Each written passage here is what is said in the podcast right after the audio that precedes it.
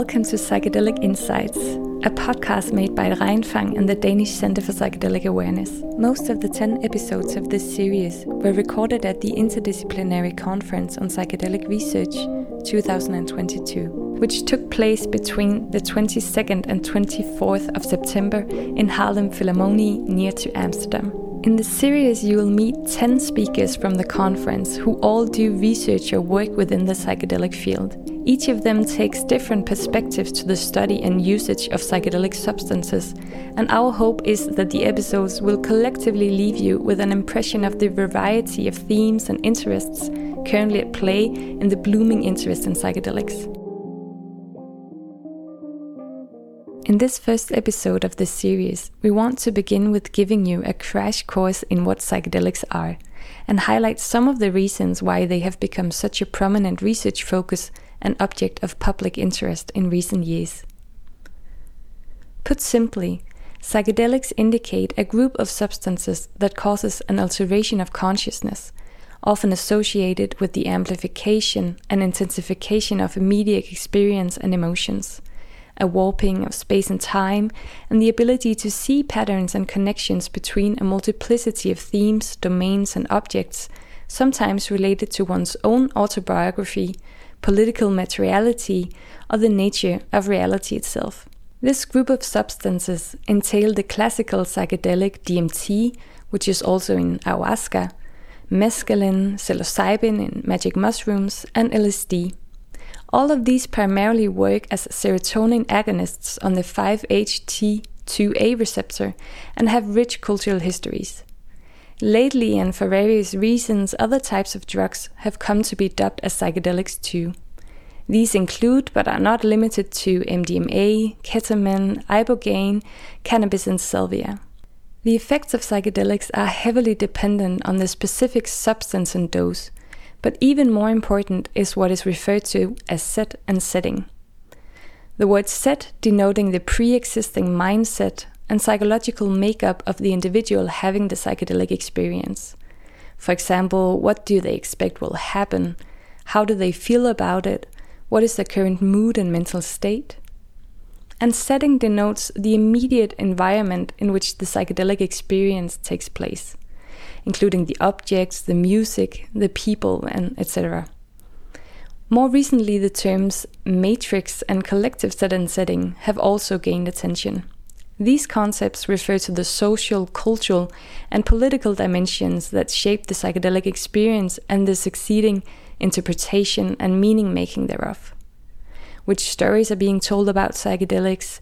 Which rituals, institutions, systems, and structures are they ingrained in? Are they, for example, socially accepted? And if not, how does that influence the individual undergoing a psychedelic experience?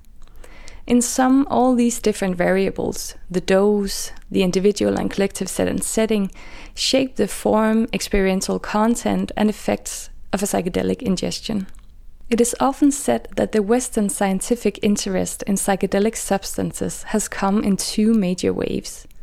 The first one began when Albert Hofmann synthesized LSD in 1943, and the wave had its peak during the 60s.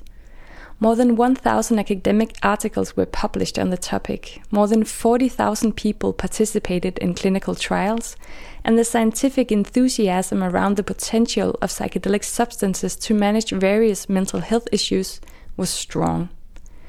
However, several interacting variables caused an abrupt halt in research in the early 70s. And for more than two decades, almost no research was conducted. The beginning of the second wave of psychedelic research, and the one which we are surfing right now, is often credited to a study in 2006 on the mystical and spiritual dimensions of the psychedelic experience, conducted by Roland Griffiths and colleagues. Since then, both public and academic interest in these substances has been mushrooming, designating a psychedelic renaissance. Scientific research increasingly seems to indicate that psychedelics, when used under specific circumstances, hold potential to alleviate a variety of mental health conditions, including depression, anxiety, eating disorders, and PTSD. This potential ha has caused a huge influx of capital into what has been dubbed the psychedelic industry. Media outlets are catching an interest in what might be a revolution for psychiatry, and the general population might be doing ayahuasca in Peru, psychedelic leadership trainings in Holland, techno raves in Berlin, or seeking out treatment for various ailments in the psychedelic underground, which continues to flourish. Venture capital, big pharma, small pharma, sustainable economists, indigenous cultures, underground facilitators, psychonauts, and a variety of other actors are all engaged in conversations about what the psychedelic future should entail. Should psychedelics be strictly medicalized and become another tool in the psychiatric toolbox? Should they be made available for religious pursuits? Legalized in a way that allows companies to brand, market, and sell them in retreat centers or on street corners? Should they be regulated and controlled by the state or simply decriminalized? All of these questions are converging in a time and era defined by a mental health crisis, energy, COVID, and financial crisis, war, and unprecedented ecological destruction.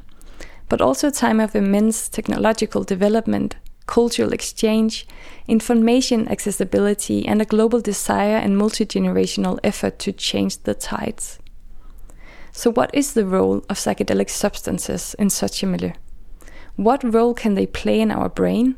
What role can they play in our mental health systems and in our everyday life? Our relation to that which is bigger than ourselves, our social relations, and our way of relating to nature. By interviewing some of the most knowledgeable individuals on the topic, this podcast series attempts to address and negotiate some of these questions.